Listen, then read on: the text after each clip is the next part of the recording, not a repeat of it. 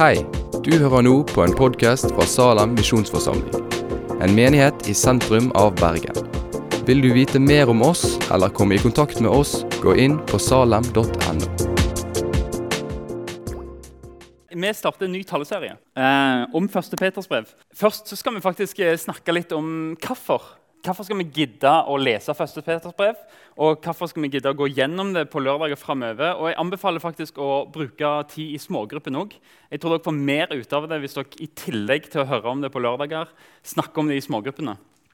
Eh, men jeg, jeg, vil gi dere tre, grupp, tre, gode grunner til å lese 1. Peters brev. Den første er at eh, brevet er skrevet av Peter. Peter er apostel og øyenvitne. Altså han, så, han var en av de som var med Jesus hele tida, en av tre nære venner.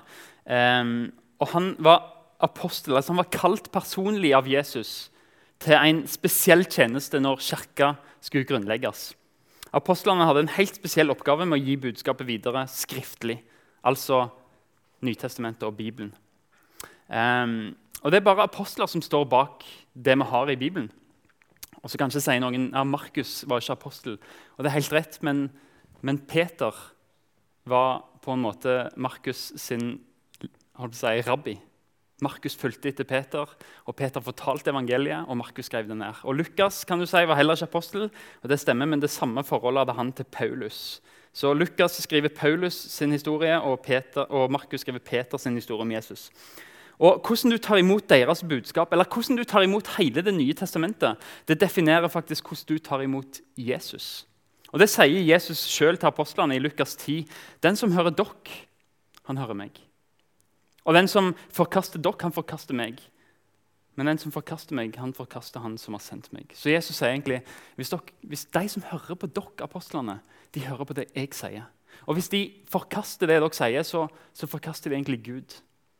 Det er En av grunnene til at vi skal lese Peter. Det er fordi dette er ord som han har fått for å gi videre til oss. Og Vi skal lese Peter fordi det handler om hvordan vi kan leve som kristne i vår tid. I vår tid. Og så vil mange si Hei, Kristian, det er skrevet for 2000 år siden. Jeg vet det. Men hør nå. Første Peter er skrevet til de kristne i Lilleasia. Det er dagens Tyrkia. som jeg kjenner. Men de kristne der de ble sett ned på. Det å være kristen det var avleggs. Det var tro på overtro. Det ble faktisk kalt superstitio. Altså, de trodde på overtro. Kjenner du deg igjen? Det er vel kanskje det vi leser mest av i kommentarfeltet når det er en kristen sak. Gammel overtro.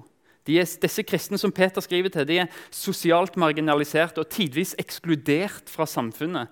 Noen har mista familien sin fordi de tror på Jesus. Hvis du ser på hvem som er sosialt marginalisert i dag, så er det mange grupper. Men kanskje passer den beskrivelsen òg på kristne studenter spesielt. På universiteter der det egentlig for ikke så veldig mange år siden så var utdannelse egentlig en kristen formering. Altså Du, du forma en person kristent. Det er derfor vi har skole i Norge. Det er derfor vi har konfirmasjonsopplæring. Det er det samme som skole. Men så kom modernisering, og tenkningen på universitetet er i stor grad forma av ikke-kristne. Og argumentasjonen der kristne nesten er helt ute i sidelinja og ingen hører på dem, det har skapt en mentalitet om at intellektuelt liv ikke er så veldig hjelpsomt for kristne, og at kristendommen i alle fall er irrelevant for det intellektuelle livet. Hvordan skal vi leve i en sånn tid? Der vi blir litt sånn ut i marginene på, på studiet skal kristne isolere seg og trekke seg tilbake, sånn som Amish har gjort? Eller skal de assimilisere, assimilis, assimilere seg? skal vi bare bli sånn som alle andre og bare ok, greit, vi får bare være det, og så har jeg troa mi for meg sjøl, og jeg tror privat, og det betyr ikke så mye for hvordan jeg lever, eller hva jeg sier, eller hva jeg gjør, men, men jeg tror her inne. Det er kanskje to feil som hver sin ytterpunkt har gått, gått på. Noen isolerer seg helt, kanskje har vi en sånn tendens til å assimilere oss og bli sånn som verden er. Første Peter er en av de første behandlingene av dette spørsmålet. Hvordan skal vi oppføre oss i verden? Hvordan skal vi være? Derfor skal vi lese 1. Peter. En tredje grunn er at 1. Eh, Peter har som mål å gi kristne en trygg identitet som de kan styre livet sine etter. Og hele, Gjennom denne taleserien så er målet vårt å formidle den identiteten. At det er lørdag for lørdag eller smågruppe for smågruppe kan bli ok, greit. Det er den jeg er Jesus. Det er denne personen jeg er. Og Peter ønsker å gi leserne en trygg identitet, sånn at de, de kan forstå hvem de er når de tror. At det kan få gi dem frimodighet til å leve gode kristne liv i samfunnet. Det er tre grunner til å lese 1. Peter som er viktige. Jeg vet ikke om du noen gang har følt deg fremmed. Jeg er vokst opp som misjonærbarn i Kenya og, og Tanzania. Av og til så, så, følte jeg meg fremmed fordi Egentlig bare pga. hudfarge. Jeg snakka språket, og, men det var så tydelig at jeg ikke hørte hjemme der. Jeg føler meg fremmed når jeg går og shopper med kona. Eh, kanskje mest av alt på søster Nigrene. Eller søster Migrene, som jeg kaller det. det jeg føler meg virkelig fremmed. Og, men, de, men, den fremmedfølelsen den, den, kjenner vi på i mange situasjoner. Og uh, I de verste situasjonene så er det sånn ubehag der det bare ah, jeg hører ikke til her. Her er jeg virkelig ikke hjemme.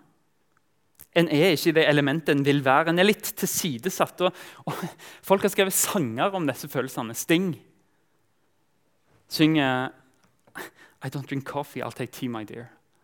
Og så har han en hel sang om hvordan det er å være en legal alien i New York. En Englishman i New York. Henning Kvitnes synger om hele livet. sånn som vi hørte. Jeg er bare en pilegrim på denne veien. gutter. Den har aldri vært mitt heim, denne veien, dette livet her. Fordi dette livet er fullt av hull og humper, gutter og jenter. Dette er ikke mitt heim. Når en er på reis, så er det utrolig godt å komme hjem. Jeanette har vært ei uke vekke og kom hjem i går og bare, å, denne senga er verdens beste seng. Det har noe med det der å, å komme hjem. Hjemme der, der, alt passer meg perfekt, der jeg er trygg, der jeg er meg sjøl, der jeg vet at dette her hører jeg hjemme. Her slapper jeg av. Det er ikke ofte jeg griner, men de gangene jeg griner, så er det faktisk ofte hjemme. Fordi jeg er i trygge rammer. Første Peter handler om at vi som kristne er fremmede her. Vi er utlendinger. Vi er ikke hjemme. Bare tenk hvor ofte jeg, vet ikke om det gjelder for deg, men for meg bare, bare, altså jeg tenker, hvor ofte tenker jeg at livet her er utilfredsstillende? Det er ikke nok.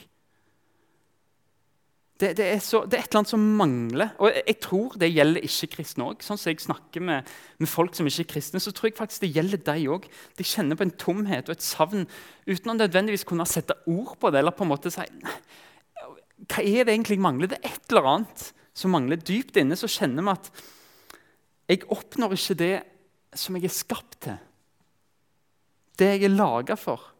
Og så får vi tak i noe som vi tror skal gi oss lykke. Om det er en feriereise, om det er penger eller om det er en relasjon. eller hva. Og så går det litt tid, så bare Det var ikke det. Det strekker ikke helt til. Og jeg higer etter mer. Men når jeg får mer, så er det, det er heller ikke nok. Grunnen er at du ikke er hjemme. Og vi ser det i at når vi opplever død og lidelse, så er det noe i oss som, som stritter imot, som tenker det skal ikke være sånn. Det er ikke dette livet skal være. Jeg savner et svar, noe mer. Og du som ikke er kristen, kanskje tenker du f.eks. om evolusjon. At det er en sånn rød tråd som går gjennom alt. At tilfeldigheter skaper bare tilpasning. At vi tilpasser oss hele tida. Men, men, hvorfor er vi aldri blitt vant til død og lidelse? Når naturen er død og lidelse? For Det er noe i oss evolusjon ikke engang kan bremse, noe evolusjon ikke engang kan svare på. Fordi vi er skapt for noe mer enn bare formering og den sterkeste vinden. Vi, vi, vi higer etter mer enn det. Det er ikke godt nok for oss. Det er fordi Gud har skapt oss til noe mer. Han har skapt oss til tegn. C.S. Lewis, som er en av de største kristne tenkerne vi får si før vår tid. På søndag kan vi si i vår tid, men her sier vi før vår tid. Men en av de største kristne tenkerne han sier hvis jeg finner meg sjøl et ønske som ingen erfaring i denne verden kan tilfredsstille, så er det en sannsynlig forklaring på at jeg er skapt for en annen verden. Og Bibelen har svar. Salme 90. Herre, du har vært en bolig, et heim for oss i slekt etter slekt. Du lar mennesket bli til støv igjen, altså dø, og så sier du, 'Menneskebarn, vend tilbake'. Bibelen er klar på at du har en annen heim. Du er skapt til en annen heim. Du er skapt av Gud. Du er skapt til Gud. Og du er skapt for Gud, sier Bibelen. Det er din heim. Du har en annen heim enn denne jorda. Det er derfor du kjenner at du ikke passer her. At du ikke er hjemme. Du er skapt for noe mer. Vi skal starte med å lese dagens tekst fra 1. Peter. Og Det er de to første versene. Og Vi skal nøye oss med det fordi de er proppfulle av teologi. Og Vi skal se på hvem er det Peter skriver til. Peter, Jesu Kristi apostel, til de utvalgte, de som er utlendinger og spredt omkring i Pontus, Galatia, Kappadokia, Asia, Betynia, utvalgt etter Gud Faders forutviten, i åndens helliggjørelse, til lydighet og bestenkning med Jesu Kristi blod. Nåde og fred være med dere i rikt mål. Vi skal bare lese det i dag. Paulus skriver til de kristne i Lille-Asia. Dere er utlendinger, skriver han. Hva betyr det? For når, når, når, han skriver 'utlendinger', så er det en, en term. Altså, det, er ikke bare sånn, det, er, det er ikke et ord som betyr ingenting. Men hvis du går tilbake til den tida, så hadde det ordet en betydning. En veldig spesiell betydning. Andre plasser, så andre bibeloversettelser skriver at det er fremmede på norsk. Men det var et etablert begrep i Romerriket. En fremmed eller utlending. Paroikos. Vi lar det være. Eh, men det var en person som bodde et sted midlertidig. Han, var, eh, han bodde fast, men det var bare midlertidig. Han hadde ikke rettighetene til en borger. Han kunne ikke gifte seg med den han ville. Han kunne ikke bare dele arven sin til den han ville. Han hadde ikke de samme rettighetene, heller ikke det samme rettsvalget. Og han kunne ikke eh, retts... Hva heter det? Rettsvern. Eh, han hadde restriksjoner i valg. Han måtte betale høyere skatt. Og hvis han ble tatt for noe, så ble han strengere straffa. Han snakka annerledes, hadde en annerledes røtter, kultur, politisk og religiøs lojalitet var annerledes, og han ble sett på som en trussel mot orden. Og en romer, Hvis du spurte en romer hva er det viktigste i samfunnet, så sa de det er orden. Det skal være sånn at eh, soldater og de rike er oppe der. Så kommer noen borgere, og så kommer utlendinger, og så kommer slaver. Det skulle være orden. Du måtte ikke rote opp i det. Men med en gang noe skjedde, noe som skapte uro, så fikk utlendingene skylda. Det var deres feil. Alltid. De var offer for frykt og mistanke, sladder og diskriminering. Det er det, dette begrepet bruker Peter om oss. Implikasjonen er du er en utlending. Du lever ikke i ditt heimland, du som er kristen. Men du er heller ikke en turist. De, hadde, de, var, de, bodde der midlertidig, de var en del av samfunnet. De hadde jobber, de kunne språket, de hadde venner, de hadde naboer, de hadde relasjoner. Men de hadde et annet heimland. De hørte til en annen plass. De var annerledes og ble sett rart på, faktisk. Første krønikerbok i Bibelen der står det For vi er fremmede for ditt åsyn og gjester, som alle våre fedre. Som en skygge er våre dager på jorden og uten håp. Ser du, Vi er fremmede. Vi skal ikke knytte vårt håp til noe vi ser her. Du er fremmed. Med disse fremmede utlendingene, skriver Peter, de er òg utvalgte. Hva mener Peter med det? Og Spesielt vanskelig blir det når han legger til at de er utvalgt til Gud Faders forutviten. Nå snakker jeg kanskje mest til de som er kristne. Utvelgelse er et vanskelig begrep, og vi skal bare gå ganske kort, men litt grundig gjennom det. Så hvis du lurer på det med utvelgelse Jeg har ikke alle svar, men noen tanker. Og så, Hvis dette blir for grundig, så bare ok, greit, ta en pause, så kommer jeg tilbake igjen. skal si fra noe tilbake igjen, ok? Eh, men utlending betyr, nei, utvalgt betyr det at Gud bestemmer hvem som skal bli kristne. Ut fra en sånn forutviten at bare, ok, greit, kristen, ikke kristen, kristen, og så bare gjør han sånn at de blir kristne. At vi egentlig ikke har noe å si. Å være utvalgt det betyr å ha mottatt Guds barmhjertighet og tilgivelse. Da er det utvalgt. Og det skjer ikke med at vi bestemmer oss for det, men at Gud tar initiativet. At Gud elsker oss først. Han velger oss før vi velger han. Når et menneske begynner å tro på Jesus, så er det ikke fordi det mennesket har funnet ut Pappa, jeg skal bli kristen. Nei, det skjer fordi Gud har begynt å dra i den personen. Litt og litt. Kanskje endre sinnet først på noen saker. Og så blir han kjent med noen kristne. Og så begynner han å lure på hvordan er det egentlig med menighet. blir trukket inn. Og til slutt så er han bare Wow, Gud er stor. Gud er ekte. Jeg må tro på han. Det skjer når en person blir kristen. Gud drar i den personen, ikke fordi vi velger det. Og Utvelgelse er et viktig begrep i Bibelen. Men det hører alltid hjemme i en sammenheng.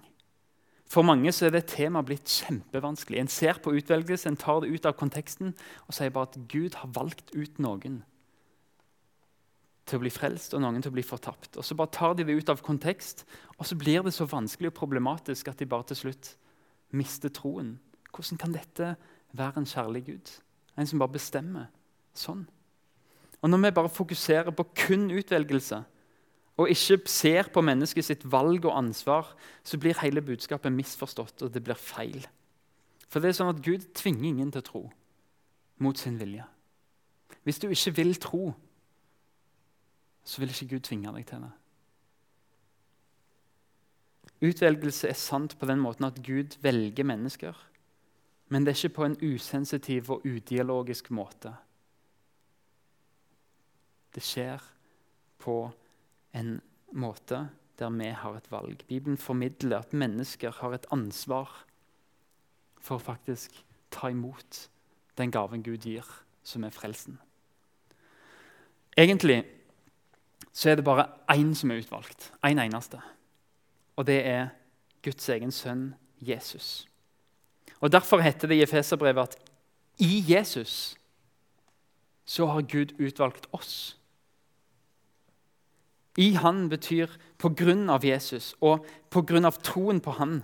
Det innebærer at alle de som tror på Jesus, får del i hans privilegier som Guds sønn. Det vil si at vi blir Guds sønner, Guds utvalgte barn. Troen spiller inn her, så vi ser at det ligger en personlig ansvarliggjøring i dette. Men for å si, vi må ikke ta det ut av kontekst, så la oss følge utvelgelse i Peter. La Peter få, få fortsette den tanken om utvelgelse. For da ser vi, Hvis vi får neste slide, ser vi at utvelgelse i 1. Peter det handler egentlig om Jesus. For I kapittel 2 så leser vi at han var utvalgt av Gud men avvist av mennesker. Og Gud gjorde han til hjørnestein, til det aller, aller viktigste i kristendommen. Uten Jesus så har vi ingenting å tro på. Gud utvalgte Jesus og hans liv og hans verk som en hjørnestein. Men det kristne samfunnet det er basert på hjørnestein. For at når vi tror, så blir vi til levende steiner i Guds kirke, i Guds byggverk, står det i kapittel 2. Vi blir et åndelig hus av levende steiner. Og Derfor er de kristne et utvalgt folk. Guds folk. Og I siste kapittel så bruker Peter det å være utvalgt synonym med å være i det kristne fellesskapet. Så jeg vil si at Når du begynner å tro på Jesus og blir en del av det kristne fellesskapet, så blir du en del av det utvalgte Guds folk. Og Det herlige med å være utvalgt er at det er en ubetinga kjærlighet fra Gud. Jeg liker å tenke at utvelgelse det handler like mye om at Gud bare håndplukker oss. Det er ikke snakk om en filosofisk tanke der Gud styrer verden, helt uavhengig av vår respons, men en forståelse om at Gud vil frelse deg. Siden jeg ikke kan gjøre meg fortjent til himmelen, så er jeg avhengig av at Gud velger meg. Han har bestemt seg for å frelse deg. Han velger deg. Det er din identitet som kristen. Det at du er kjærlig valgt og prioritert av Gud så mye at han faktisk er villig til å gi livet til sin sønn for å berge deg. Det er utvelgelsen. Han velger deg ikke fordi du er spesiell eller moralsk perfekt. Han velger deg fordi han elsker deg. Og så kan vi spørre ja, men hvorfor elsker Gud oss. Det gir han oss et svar på. Jeg elsker deg fordi jeg elsker deg. Det er det tryggeste vi kan hvile i. Han elsker oss ikke fordi vi gjør eller, eller hva vi er, men han elsker oss fordi han elsker oss. Det er begrunnelsen i Bibelen for utvelgelsen. Og du som ikke er kristen, kanskje er du på besøk i dag og er litt nysgjerrig på den kristne troen. Det hadde ikke skjedd med mindre Gud drar i deg og velger deg. Han vil at du skal kjenne han.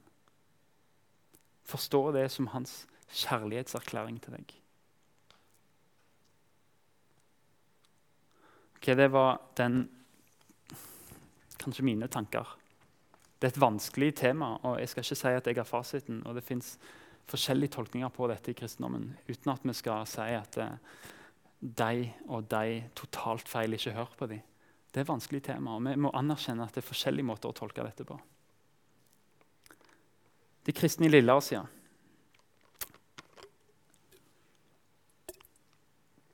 Jeg får så kjeft av han som har ansvar for podkasten, at jeg ikke drikker fordi jeg smatter så sykt mye når jeg blir tørr. Driver på å fjerne, liksom, klipper hele podkasten for å fjerne sånn smatt. De kristne i Lilleasia de er altså fremmede og utlendinger. Men de er òg utvalgte. Det å være utvalgt Hør nå. Det å være utvalgt og utlending, det går hånd i hånd. Utvelgelsen viser at du hører til Gud og hans folk. Men det resulterer i at du blir utlending. Du blir fremmed. Du blir annerledes. Det går ikke an å være utvalgt uten å bli en fremmed for verden. Uten å bli annerledes. De går hånd i hånd. Og På det grunnlaget kan du egentlig omvende konklusjonen også av og til. Og ikke si faktisk at Det at du blir fremmedgjort, latterliggjort, det at du av og til må kjenne at, at det er litt kleint å si at jeg er kristen, men det viser faktisk at du hører Gud til, fordi du skal være annerledes. Kristne lever i det spennet mellom utvelgelse, at Gud elsker oss og har valgt oss ut, og at vi fremmer det fordi Gud gjør oss annerledes. Du er forkasta av verden, men du er utvalgt av Gud. Du er latterliggjort av verden, men du er helliggjort av Den hellige ånd. Du er frista av verden, men du er rensa av Jesus. Lever du på den måten? Definerer det ditt liv? Det fins en enkel test ut fra 1. Peter som du kan ta. Den er enkel. Ut fra brevet så leser vi Hvis du, hvis du er Guds barn, hvis du er, er kristen Og hvis du lever kristent, så skal det være som en fremmed, som en utlending.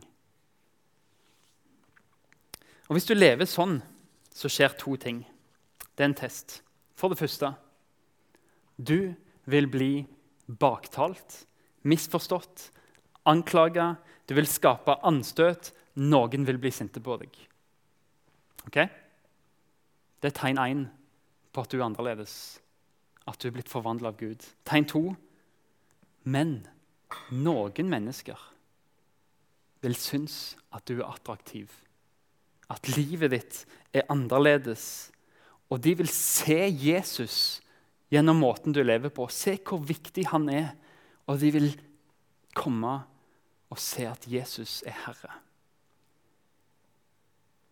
Det er testen på om du lever kristenliv sånn som Peter vil at de kristne skal leve. Du frastøter deg noen, men du tiltrekker deg andre. Bare se på Jesus i bergpreken. Han snakker om forfølgelse. Han sier at de kommer til å forfølge dere. Vet du hva han sier rett etterpå? Dere er lys og salt. Og vet du hva han sier etter det? Altså Han sier de kommer til å forfølge dere, men dere er annerledes. Dere skal være lys og salt. Og så sier han etter det men de gode gjerningene dere gjør. Hedningene skal se dem og prise Gud på grunn av dem.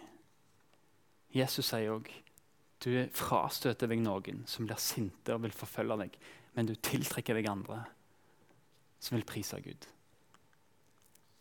Og De fire kristne, de som Peter skriver til, og vi leser om Jesus forteller om dette i resten av bergpreken. og de Peter skriver til, og Når vi leser kirkehistorie, så ser vi at dette faktisk stemte.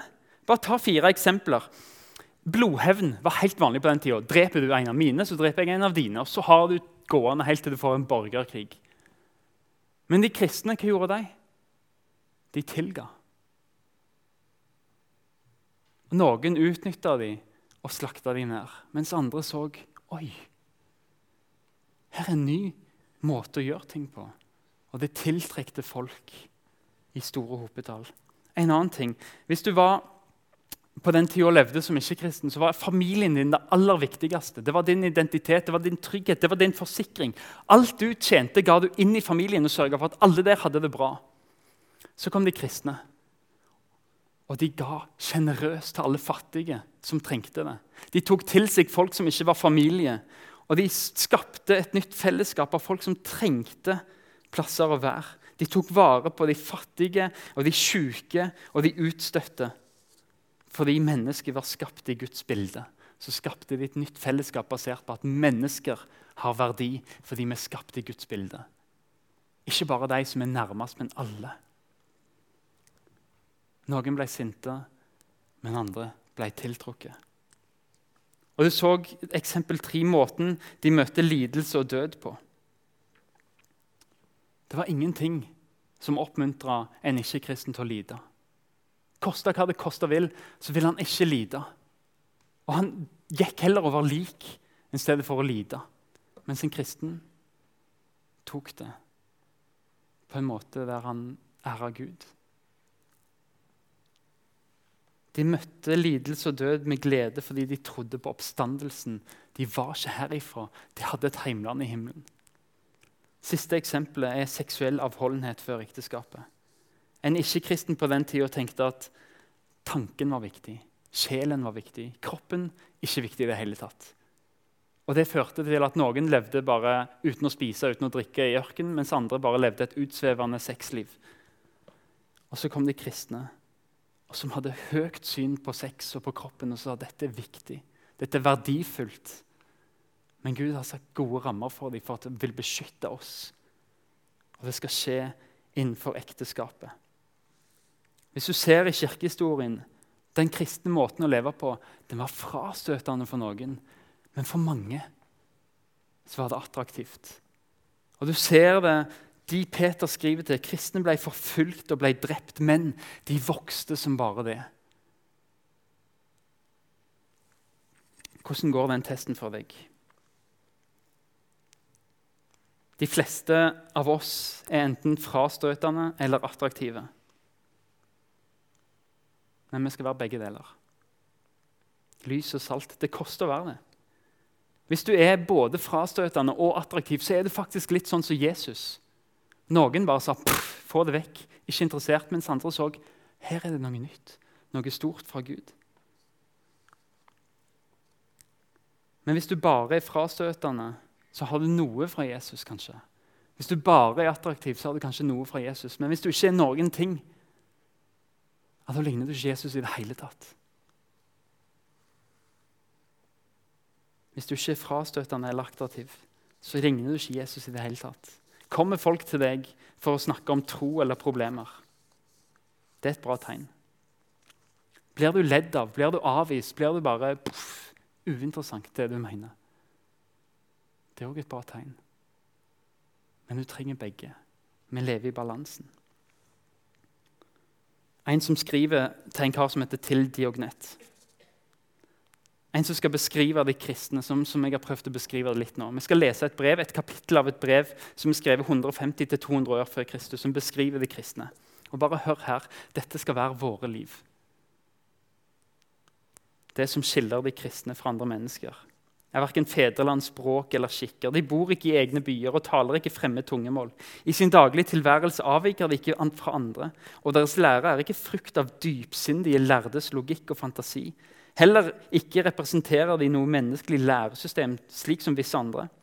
De lever blant grekere og barbarere, slik det har falt seg for hver enkelt. De følger stedets skikk med hensyn til klær og mat og atferd for øvrig. Og likevel er deres vandel slik at den vekker alminnelig undring og beundring. De bor i sine land, men som utlendinger. De tar del i alt som borgere, men finner seg i alt som fremmede.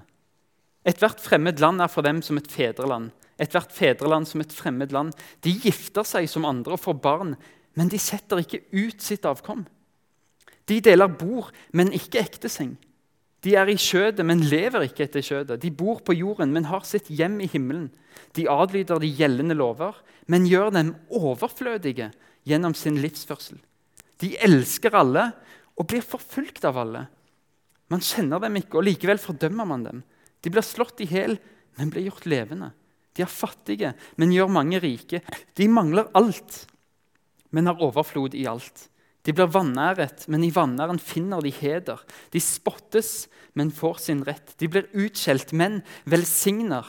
De blir ydmyket, men viser ærbødighet. Når de gjør godt, straffes de som forbrytere. Og når de straffes, gleder de seg fordi de føres til livet. De bekjempes som fremmede av jøder og forfølges av grekerne. Men de som hater den, kan ikke forklare årsaken til sitt hat. Helt til slutt. For å leve på den måten så trenger du to ting. Du trenger å se to ting. For det første så trenger du å se at du er utvalgt. Du trenger å se at du som Peter skriver senere, du er et kongelig presteskap for Gud. Du er hans folk. Du er hellig. Du er Guds eiendomsfolk. Det vil si, du er hans skatt. Selv om han eier hele universet, så sier han dette er mitt barn. Dette er den jeg er stolt av. Det er din Gud, han som ser deg, og som har utvalgt deg. Vet du at du elsker på den måten? Har det slått deg at du elsker på den måten? I hele universet så har han plukka deg ut og sagt 'du er min'. For å styrke de Peter skriver til, så sier han dere er utvalgt. Og det er den dypeste identiteten de har. Du er utvalgt. Du er håndplukka av Gud. Du er ikke hjemme her. Du er en pilegrim på en vei full av hull og sølepytter. Men Peter vil at du skal løfte blikket og se, fordi du hører hjemme i himmelen. Det er det første du må se. Du er utvalgt. Det andre du må se, det er at Jesus er den egentlige utlendingen. Jesus var hjemme hos far, men kom til jord. Jesus, Du hører aldri i, aldri i evangeliene at folk kom hjem til Jesus. Eller at han inviterte folk hjem. Vet du hvorfor? Han hadde ingen hjem. Jesus sier at revene er huler og hi, men jeg har ingen sted å hvile hodet. Jeg har ingen hjem. Og han gikk rundt uten en hjem fordi selv om han hadde en himmelsk heim, så kom han og valgte det for deg. Han ble korsfesta utenfor byen med andre røvere. Han måtte rope 'Hvorfor har du forlatt meg, Gud?' Han var utlending. Han tok på seg eksilet som vi fortjener, sånn at du kan være hjemme. Hvis du ser hans modige død for deg, som bare ga opp alt han hadde, heimen sin og alt, for å bli utlending og fremmed for deg Hvis du ser det, ser hvor modig han døde for deg, så tror jeg du kan se på han og få mot til å leve som kristen i Bergen Sier at jeg vil ikke, Jesus, at du leid for meg uten at jeg får lite litt tilbake. Om det koster meg at noen ler av meg, so be it det du har gjort for meg. Jeg vil speile det. Lev for Jesus, for han ble utlending for deg. La han få ta deg hjem. Se at du er utvalgt elska. Se at han ble utlending for deg. Og leid for deg La det få, få skape en takknemlighet sånn at du sier Jesus, jeg òg vil leve sånn. At jeg har en heim i himmelen. Om jeg må lide her for deg, Jesus, så er det i takknemlighet. Løft blikket, sier Peter. Lova være Gud, vår Herre Jesu Kristi Far, som etter sin store miskunn har gjenfødt oss til et levende håp ved Jesu Kristi oppstandelse fra de døde. Til en arv som er uforgjengelig, som er uflekka, som er uvisnelig, og som er gjemt for dere i himlene. Dere som ved Guds makt blir holdt oppe ved tro til den frelse som er ferdig til å bli åpenbart i den siste tid. Derfor jubler dere av glede, selv om dere nå for ei lita stund nødvendigvis har sorg i mange slags prøvelser. Skal vi be, Herre Far. Jeg takker deg for at du har valgt oss ut. I Jesus, som du valgte ut, så har han åpna en vei inn til din familie, at vi kan bli dine utvalgte. Hjelp oss til å se, Herre Far, den prisen som du betalte for å gjøre det mulig. Med pisking, med nagler, med å henge på et kors, med tornekroner. Du ble utlending, Jesus. Du ble tilsidesatt, du ble torturert, du ble forfulgt. Det var alt for oss. Takk for at du valgte oss på den måten. At vi er så dyrebare for deg. La det få forme våre liv, sånn at vi her på jord kan leve som dine barn og se at vi har en annen heim, med en annen far. Vi snakker himmelsk, vi oppfører oss himmelsk, vi har en himmelsk kultur. Takk for at du har hørt på podkasten fra Salem, Bergen. I Salem vil vi vokse i et stadig dypere fellesskap med Gud og med hverandre. Vi vil være Jesu hender og føtter, og vi vil være med å forkynne frelse for Bergen og resten av verden. Besøk oss gjerne på salem.no om du vil vite mer.